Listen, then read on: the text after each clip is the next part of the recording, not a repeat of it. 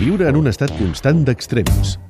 Normalment la meva manera és mirar endavant, més que mirar enrere. Si ara miro enrere una mica, així l'únic que et podria dir és el temps passa molt ràpid, i això és una cosa que ja sap molta gent, però per altra banda content perquè han sigut uns anys molt plens, hem tingut eh, moltes, moltes situacions, emocions molt diferents, tan bones com, com dolentes. Uns anys molt plens perquè sempre he pogut estar al límit de, de les situacions, tant les bones com les dolentes, i viure en un estat constant d'extrems de, et dona una, una visió de la vida molt diferent. A punt per fer 30 anys, però sense crisis d'edat.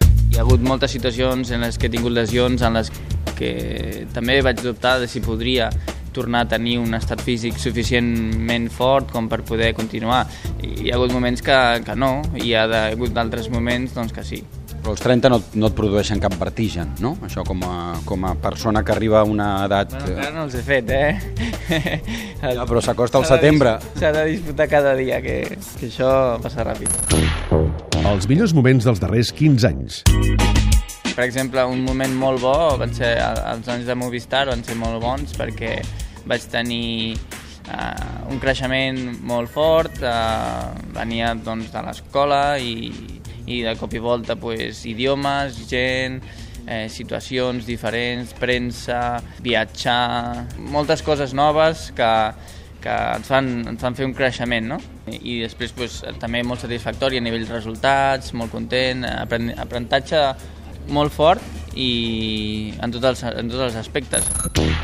Un cop ple de cicatrius per les lesions. És una marca que queda de per vida i, i que una vegada fet doncs, la situació ja no, es, ja no es pot desfer, però ara mateix em sento millor i cada vegada estic millorant i, i si, si és per millor sempre és, sempre és bo perquè també la situació anterior era molt, molt difícil a les nits o en qualsevol moment de repòs ja tenia dolor i no podia portar una vida molt tranquil·la en aquest sentit perquè tenia un dolor més ben crònic. Impensable ser un pilot del Mundial sense parlar idiomes. L'anglès base el vaig aprendre estudiant perquè quan vaig començar a fer podis necessitava poder parlar amb la meva llengua i també amb, amb l'anglès i vaig aprendre amb dos o tres frases més o menys fetes per descriure les sensacions de la cursa o, o els entrenaments i a partir d'allà doncs, eh, sí, he anat aprenent més amb el parlar amb la gent, després he continuat amb més altres idiomes i és una cosa que m'agrada. Per exemple, els números em costa molt més que, que les lletres. Francès també, pel teu barri, per allà on vius? Francès també. No t'he escoltat mai parlar francès fluid, però entenc que el parles. Eh, sí, perquè ja... O vas a comprar el pa i prou? No, perquè hi ha entrevistes que em demanen parlar en italià i el francès ja no el dic perquè no vull fer la, la mate... no vull dir la mateixa cosa en, en un altre idioma. Com canvia la forma d'afrontar un objectiu en 15 anys? En aquest aspecte canviem nosaltres, però amb, amb els anys jo crec que un perd una mica pues, per, per la innocència, vas perdent algunes coses que tens de petit, no? per les situacions de la, de la vida, les de mantenir, mantenir la il·lusió, mantenir l'entusiasme, mantenir les, la motivació, com quan eres petit.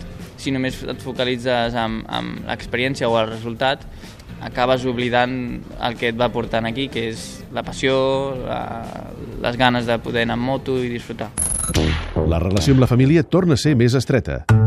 Va haver una època doncs, que tu marxes de casa i intentes doncs, trobar el teu camí, intentes fer, a part del nivell esportiu, també personal, i vas veient pel món les coses que t'agraden, i d'això també doncs, trobes a faltar a vegades una mica doncs, la, la família, i sobretot en els moments de, els moments de lesions, en moments on, on, on es passen pitjor i on està, hi ha més, més dubte i, i dolor i així necessites més aquest amor una mica de, de tornar a estar més a prop de, dels teus. Perquè tu, per exemple, en els, en els moments més crítics que has tingut, eh, després de la clavícula amb el Marco i després d'aquesta última vegada, entenc que t'has fa la sensació que t'has refugiat molt al costat de ta mare també, no? Bueno, per exemple, en el cas d'aquesta última lesió del braç, doncs eh, sí, he, estat amb ella molt de temps viatjant a Madrid a fer totes les revisions des de, des de casa meva, des de Suïssa, i, i anant i tornant, i ella,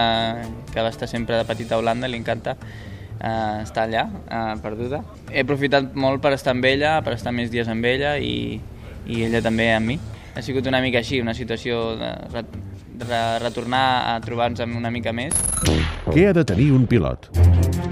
Bàsica ha, ha de tenir talent, però la bàsica, bàsica és, és una persona que ha de tenir molta il·lusió, que li ha d'agradar molt, perquè quan a tu t'agrada alguna cosa, llavors et pots exigir, ja sigui millorar físicament, ja sigui millorar tècnicament, ja sigui guanyar motivació o, o superar una lesió. Si no t'agrada o si no disfrutes o si no tens la il·lusió, per molt talent que tinguis o per, en algun moment et tens a baix. Valentino Rossi com a exemple.